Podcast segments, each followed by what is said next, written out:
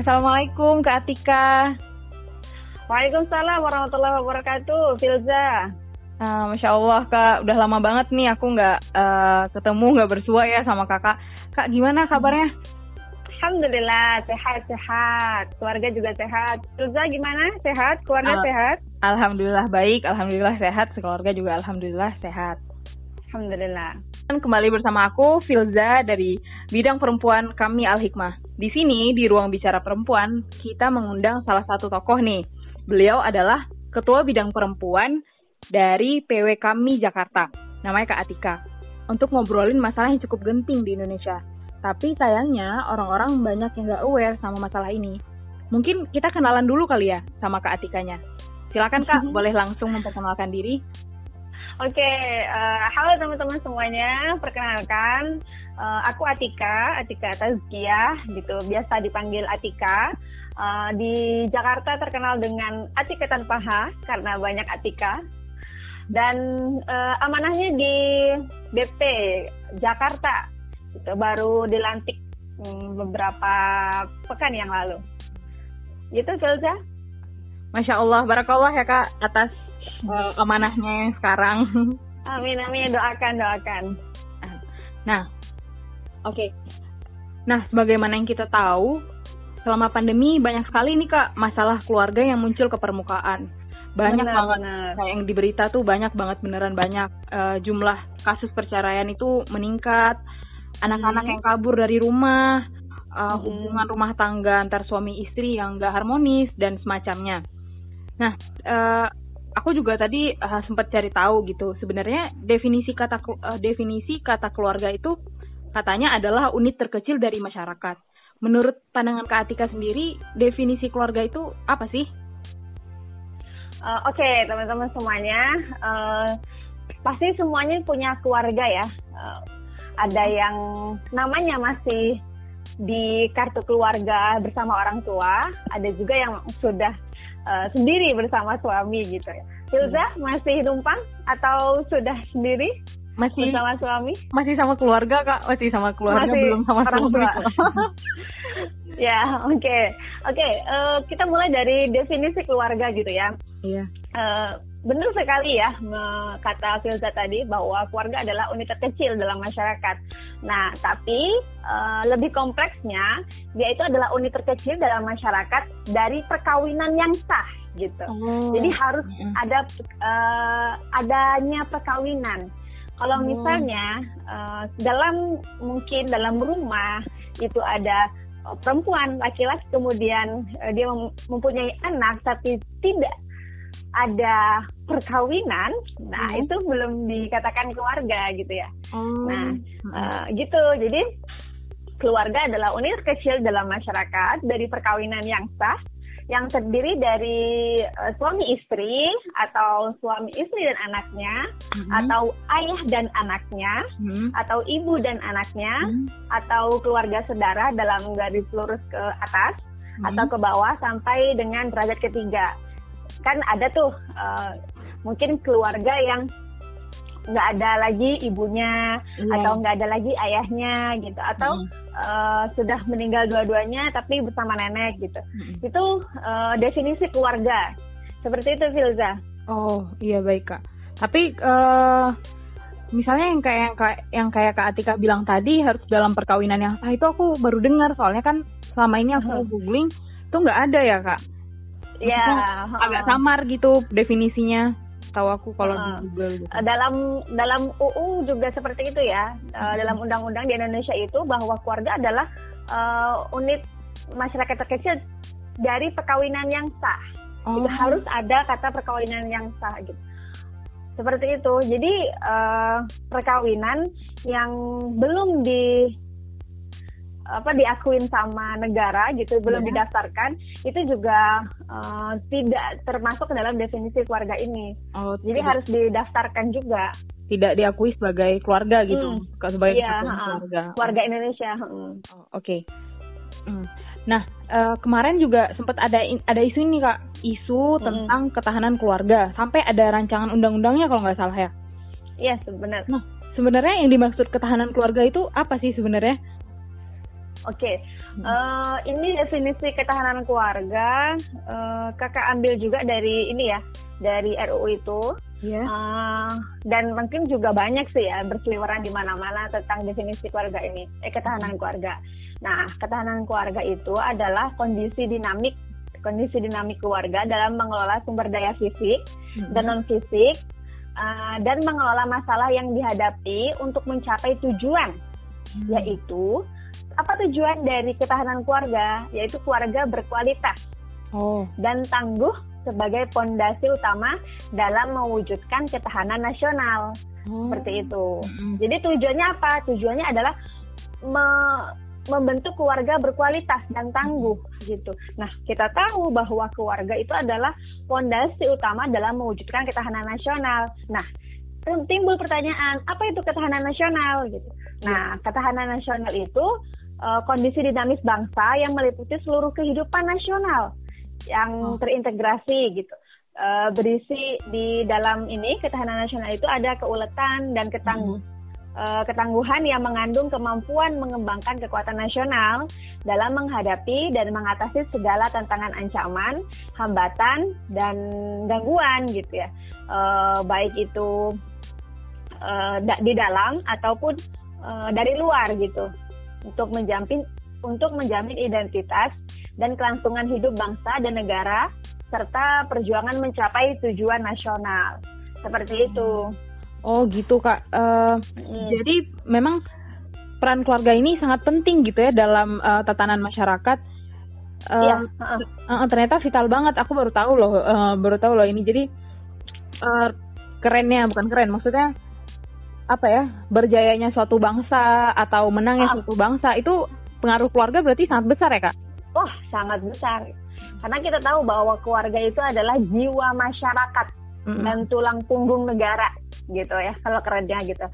Uh, jadi kesejahteraan lahir batin suatu bangsa itu uh, atau kesejahteraan atau keterbelakangan ya suatu iya, bangsa yeah, yeah. itu uh, tergantung dari keluarga gitu ya, hmm. cerminan dari keluarga. Jadi uh, kalau misalnya keluarga keluarga di dalam satu bangsa itu uh, baik, tangguh, kemudian makmur, sejahtera, insya Allah bangsa itu akan makmur dan sejahtera juga. Gitu. Jadi keluarga adalah uh, basis pertahanan inti suatu negara. Gitu. Oh, Masya Allah, aku dengarnya merinding loh karena seperti terlihat cita-cita besar bangsa Indonesia gitu ya. ah iya. Iya benar. Nah, hmm. uh, tadi kita bilang kalau itu soal uh, ketahanan nasional dan semacamnya, bahkan aku sampai merinding karena kayak kebayang gitu cita-cita besar Indonesia. Nah, gini Kak, hmm. kondisi keluarga di Indonesia saat ini gimana? Apa udah nah. sesuai sama definisi keluar sama definisi ketahanan keluarga yang kuat? Nah, jadi uh, membicarakan tentang kondisi keluarga saat ini ya, keluarga Indonesia uh, secara umum ya, gitu, secara hmm. umum. Nah, kita kan tahu bahwa keluarga itu adalah uh, tadi sempat disinggung bahwa dia adalah uh, tulang punggung negara. Gitu. Iya. Nah, kalau misalnya uh, keluarga-keluarganya tangguh, insya Allah akan membentuk negara yang tangguh. Nah, bagaimana keadaan keluarga Indonesia saat ini? Uh, dilihat atau kita bisa mantau, kita bisa lihat, kita bisa saksikan gitu ya uh, tetangga ataupun dari televisi uh, kondisi keluarga Indonesia saat ini itu semakin rapuh gitu ya. Mm-hmm. Uh, kita tahu bahwa tingkat perceraian semakin meningkat, kemudian adanya peleceh, pelecehan orang tua terhadap anak mm. atau uh, kemudian juga anak ke orang tua ada juga. Iya iya benar. Ataupun kita juga mendengar bahwa ada anak yang tega membunuh orang tuanya sendiri. Iya, ada, itu sadis banget beneran. Uh, uh, jadi uh, ada cerita mm-hmm. uh, sedikit ya, maksudnya menggambarkan kondisi keluarga saat ini. Iya. Uh, ada uh, Filza mungkin uh, sempat dengar atau tidak uh, di berita itu ada orang tua yang hmm. dia itu tega membunuh anaknya sendiri gitu masih bayi yeah. gimana ya kalau misalnya bayi itu kan imut-imut gitu kita seneng lihatnya gitu yeah, tapi yeah. enggak ada ibu yang tega bunuh anaknya gitu. Kenapa? Kenapa sampai ibu ini tega bunuh anaknya? Ternyata usut uh, ternyata setelah diusut gitu, uh, dia dia terhimpit uh, apa ya? ekonomi maksudnya ekonominya lagi susah, yeah. kemudian uh, suaminya tidak peduli sama anaknya gitu, main game terus gitu, uh, sibuk sendiri, sehingga dia kesal gitu, kesal mm-hmm. dia yang piaskan ke anaknya, anaknya di uh, gorok gitu, oh. digorok. Oh, oh, nah, astagfirullahaladzim, oh. uh, sempat dilarikan ke rumah sakit anaknya, tapi kodarullah uh, tidak tertolong seperti itu. Kemudian uh, itu pembunuhan gitu ya. Ada juga yeah. Iya. uh, cerita, ini cerita dari teman saya, yeah. Iya. uh, teman kakak ya, teman kakak mm yang dia itu psikolog. Ada cerita itu anak sama ibunya, anak perempuan sama ibunya, mm uh, mereka saling bergantian melayani bapak bapaknya. Ya Allah. Nauzubillah, nauzubillah. Nah, kan? Aku dengernya Astagfirullah. Enggak terus gimana? Ada. Ada ada seperti itu. Jadi kenapa sampai seperti itu? Karena um, ya anaknya uh, ibunya itu uh, capek gitu. Yeah. Tapi ya nggak gitu juga kali astagfirullahaladzim yeah. nauzubillah gitu. Jadi ibu sama anaknya itu bergantian ngelayanin uh, suaminya, uh, bapaknya gitu. Yeah. Sampai uh, kata temen temen kakak itu gini, si ibu itu ketika bilang ke anaknya bapakmu lagi pengen tuh layanin. Ya Allah gitu. Astagfirullah. Gitu Milza aku dengernya Astagfirullah. Nggak kebayang gitu di kepala aku separah itu gitu loh kak. Ya Allah. Separah itu separah itu. Dan itu nggak cuma satu Milza kamu kan juga tahu dan sering dengar kan pemerkosaan di, di apa di uh, di keluarga gitu. Uh. ini ini rela suka rela gitu. Ada juga yang anak masih bayi diperkosa sama bapaknya. Ada juga seperti ya, itu. Allah itu aduh. Bayi loh Filza itu ada itu di kan punya ada di berita. itu, kah? Uh, terus uh, terakhir ini mm-hmm.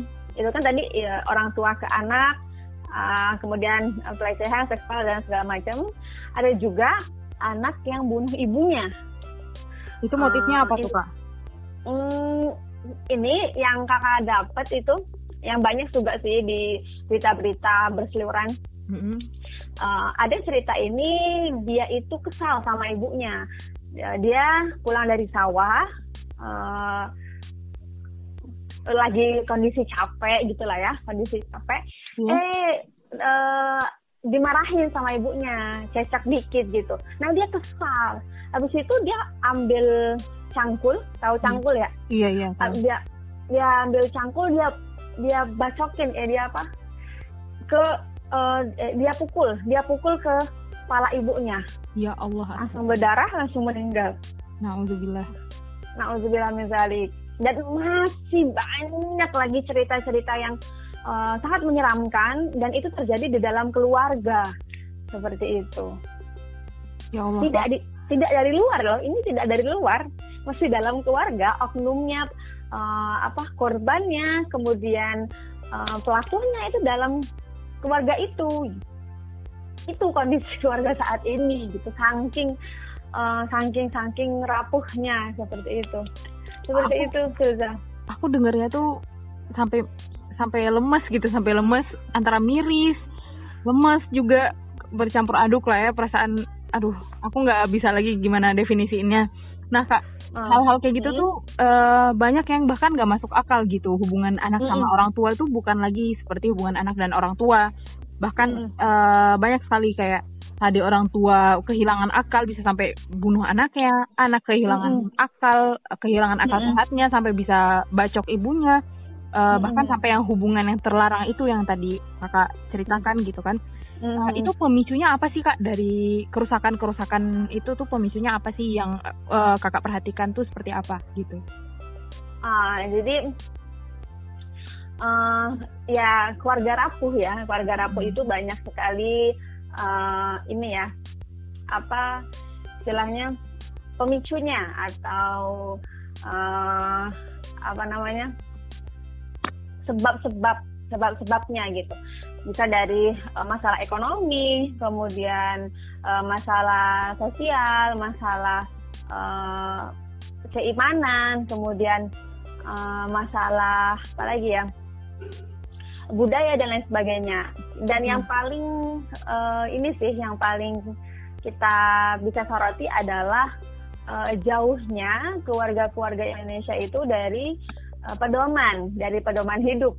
Oh, gitu. Iya iya benar.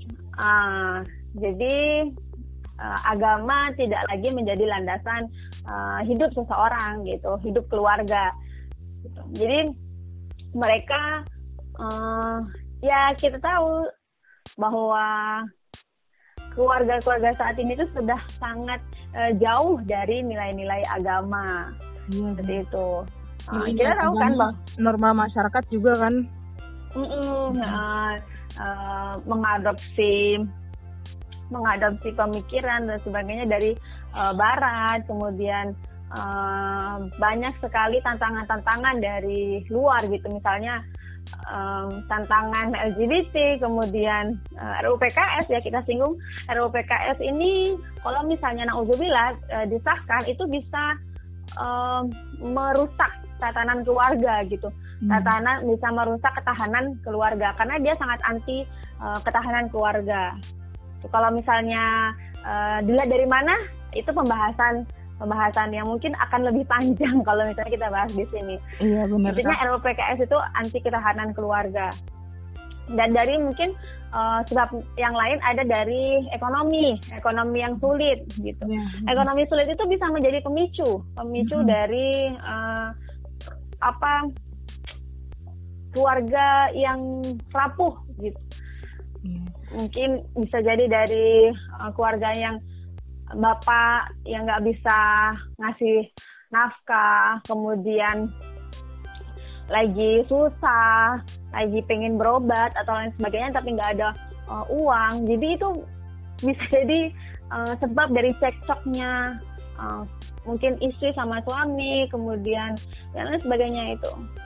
Iya, uh, kalau ekonomi juga kak kan hmm. keluarga yang uh, cenderung kurang mampu atau uh, ekonominya kurang itu biasanya memicu tingkat kriminalitas yang lebih tinggi ya kalau nggak salah tahu aku. Iya benar. Hmm. Pun kalau misalnya ada keluarga kaya itu juga ada permasalahan sendiri gitu. Hmm. Orang tuanya sibuk sendiri sehingga uh, anaknya ditelantarkan, kemudian uh, anaknya kesal, bisa juga uh, itu bisa menjadi sebab-sebab rapuhnya keluarga. Anak tidak mendengarkan kata orang tua, hmm.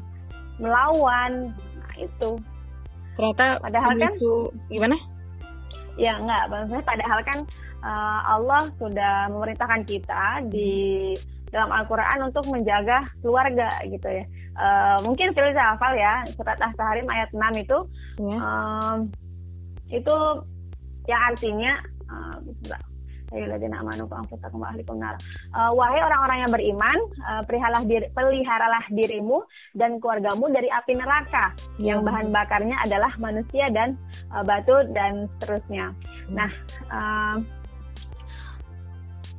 keluar apa uh, ayah atau suami itu hmm. punya tanggung jawab menjaga keluarga dari api neraka seperti itu tapi hmm. uh, saat ini uh, malah banyak gitu ya. uh, banyak uh, banyak kepala keluarga kepala keluarga yang tidak paham dengan agama hmm. sehingga uh, menimbulkan banyak sekali masalah dan tantangan seperti itu.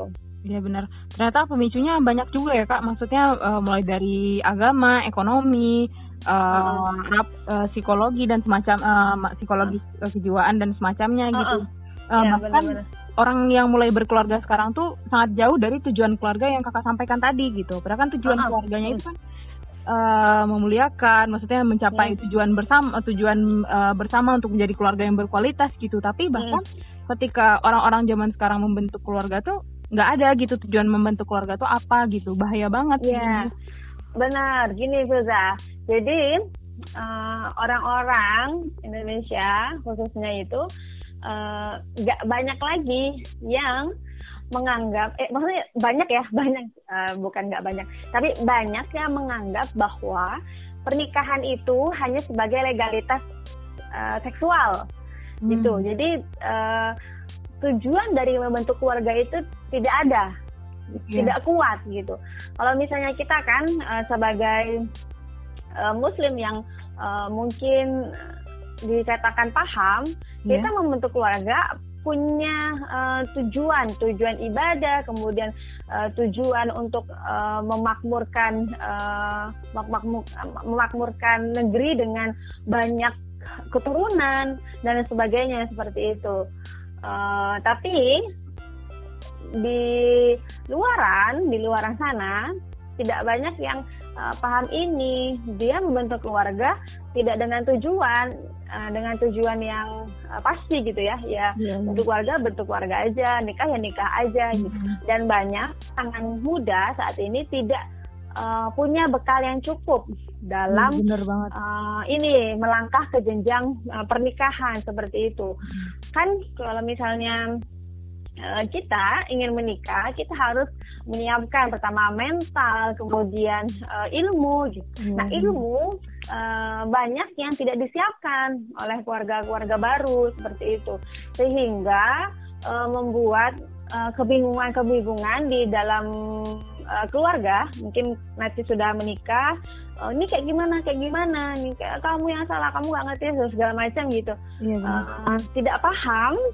dan juga tidak ada mungkin tidak ada ilmu dalam mendidik anak ya, ya itu jadi hasilnya hmm. mungkin anak-anak yang tidak yang kurang berkualitas gitu dari segi pendidikan kemudian agama dan lain sebagainya seperti itu iya kompleks banget pokoknya kalau urusan keluarga hmm. itu ya kak karena faktornya hmm. dari banyak hal terus juga uh, hasil dari itu juga banyak hal gitu saya kayak keluarga yang rapuh bahkan berdampak sangat besar gitu bagi ketahanan nasional Iya benar-benar. Uh, nah jadi kita mungkin uh, jadi tahu nih kak kenapa harus membentuk ketahanan keluarga yang kuat. Mungkin kakak bisa jadi mungkin kakak bisa kasih penjelasan yang lebih rinci kenapa sih kita harus membentuk ketahanan keluarga yang kuat dan sepenting apa ketahanan keluarga itu.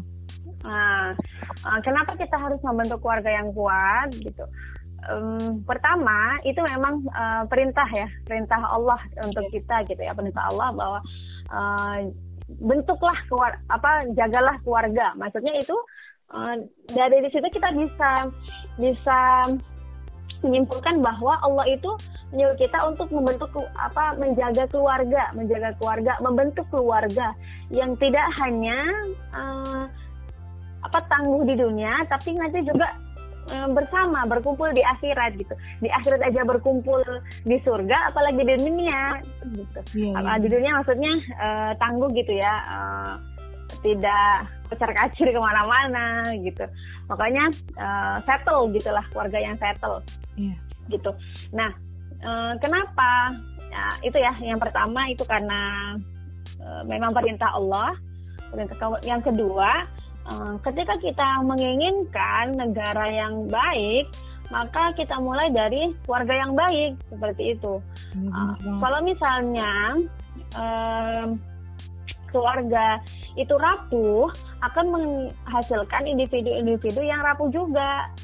Tuh, misalnya nih uh, keluarga satu keluarga uh, ada dua keluarga, ada dua keluarga.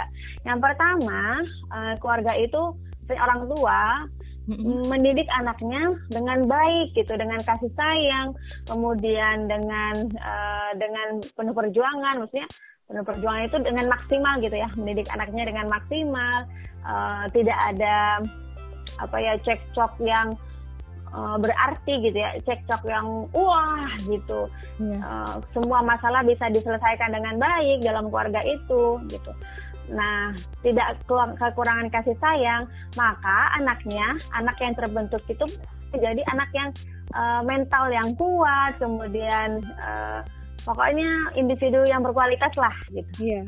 Nah, uh, nanti di ke depan uh, hari ke depan ketika dia sudah dewasa itu akan menjadi individu yang itu yang berkualitas. Nah, ada satu lagi keluarga yang dia itu bermasalah, keluarga yang bermasalah, orang tuanya sering cekcok, kemudian um, apa ya, dia ditelantarkan, kemudian tidak dididik dengan baik, maka uh, yang dihasilkan dari keluarga ini adalah individu yang kurang berkualitas gitu. Mungkin hmm. dari sisi emosionalnya kurang, maksudnya uh, temperamen, kemudian uh, bisa jadi dia banyak uh, bohong gitu dan lain sebagainya seperti itu. Uh, atau dia uh, mencari kasih sayang di luar hmm. gitu. Jadi yang dihasilkan adalah individu yang kurang berkualitas. Hmm. Kalau misalnya nih uh, banyak keluarga yang tangguh, keluarga yang apa ya kuat, nah akan uh, akan uh, jaya lah negara kita gitu karena individu-individu yang dihasilkan itu individu-individu yang berkualitas Yeah. Kalau misalnya nih pemimpin kita, menteri kita, kemudian pejabat-pejabat uh, kita dan uh, masyarakat itu uh, kuat, individu indi, apa individu individu yang berkualitas, insya Allah negara kita itu akan menjadi negara yang uh, berkualitas, negara yang maju, negara yang jaya, seperti itu. Iya berarti memang sepenting itu dan penting banget ini. Ah penting banget, penting banget. Nah, oke okay, kak. Uh, kita nih sebagai perempuan pasti kita adalah bagian unsur dari keluarga itu. Apakah kita bisa jadi mm -hmm. nanti kita jadi istri atau nanti jadi ibu seperti kakak uh, atau mm. mungkin seperti masih seperti Filza nih yang masih sebagai anak gitu. Nah, mm. uh, gimana sih uh, peran kita memaksimalkan peran bagaimana sih kita memaksimalkan peran kita sebagai perempuan di dalam ketahanan keluarga ini dalam memperkuat ketahanan keluarga ini. Oke, okay, um, peran itu ya peran keluarga gitu, eh, peran perempuan gitu ya. Nah, memang dalam uh, ketahanan keluarga itu dalam mewujudkan ketahanan keluarga itu ada uh, istilahnya efektivitas peran dan fungsi orang tua. Nah, orang tua itu kan ada uh, istri dan juga suami. Nah, istri kan perempuan gitu ya.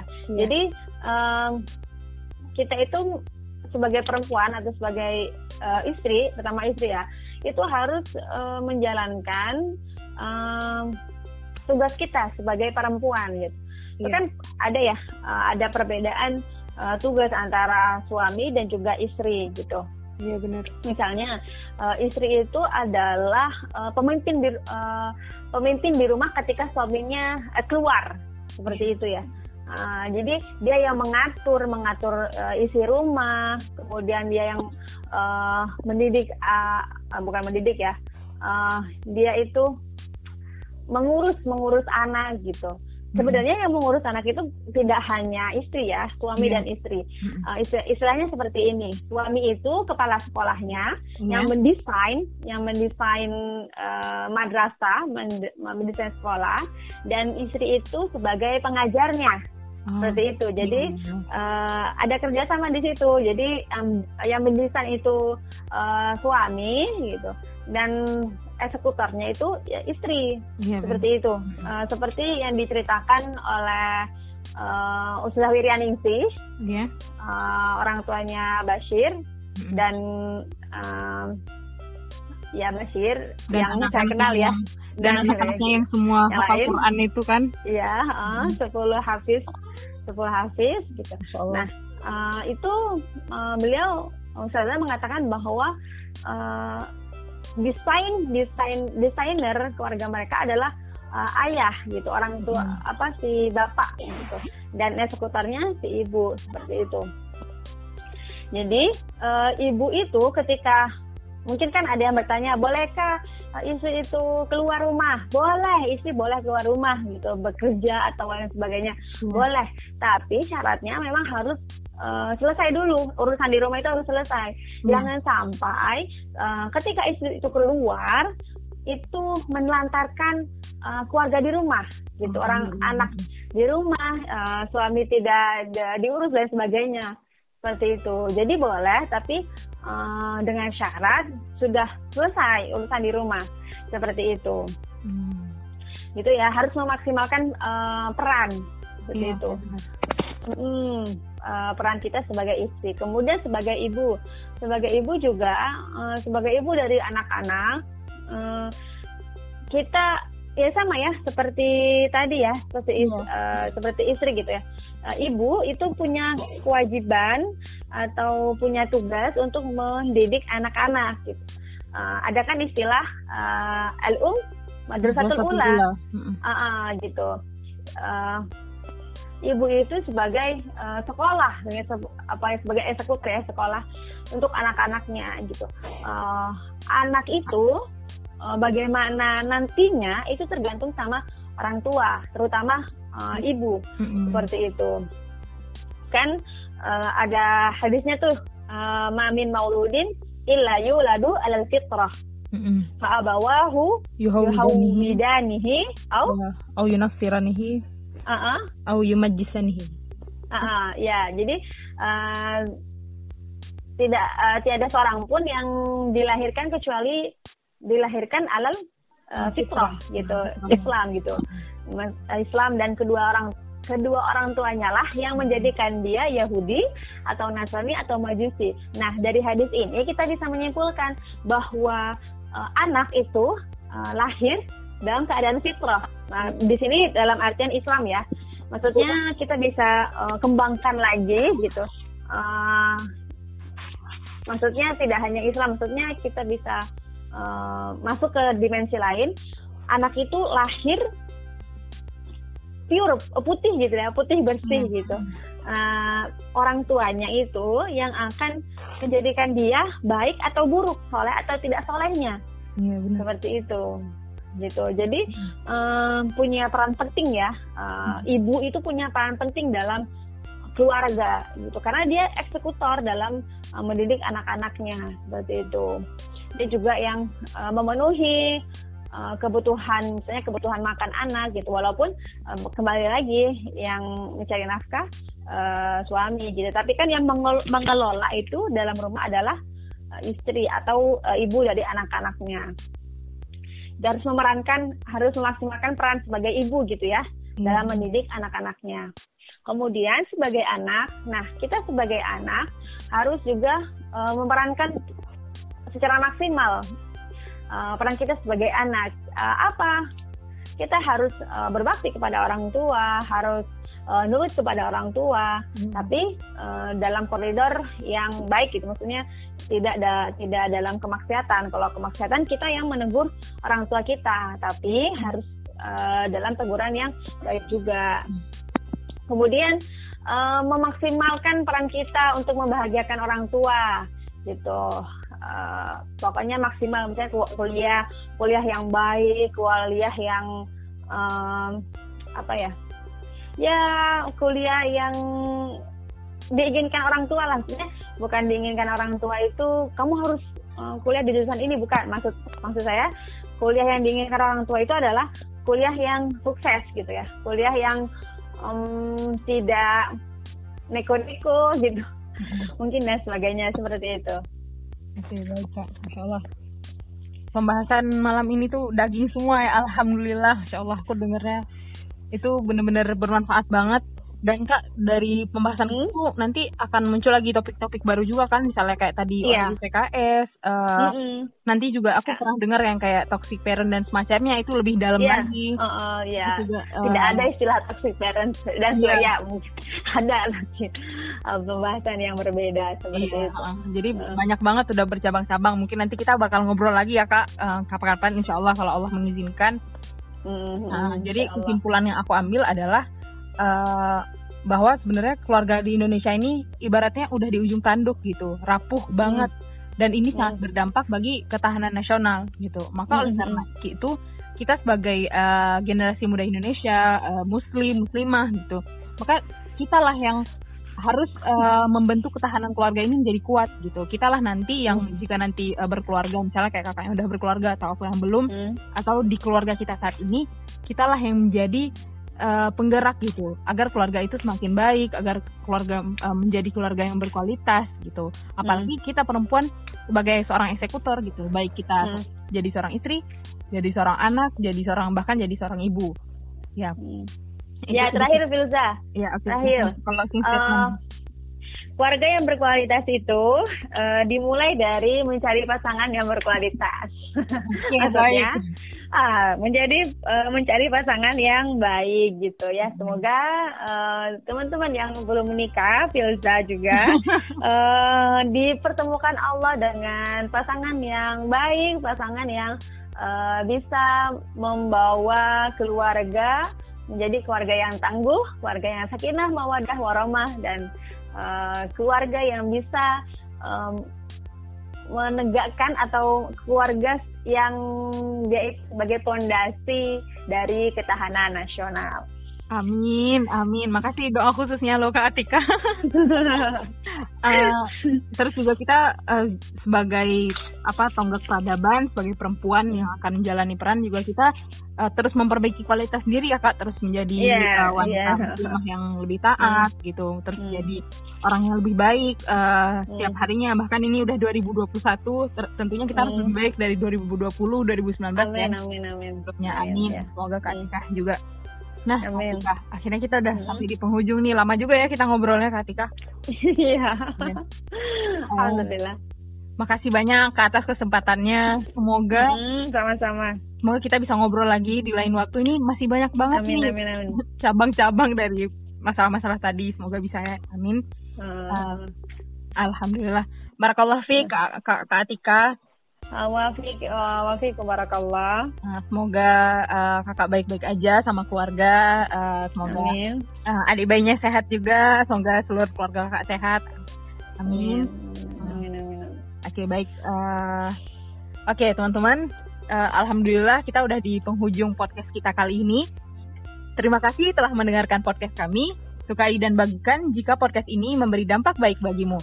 Oh ya teman-teman, jika ada kesalahan kata atau uh, salah dalam pembacaan ayat Al-Quran atau uh, salah dalam pembacaan hadis dan semacamnya, mohon koreksi kami, uh, mohon koreksi kami di sosial media kami kami al hikmah. Uh, Oke okay, baik. Assalamualaikum warahmatullahi wabarakatuh.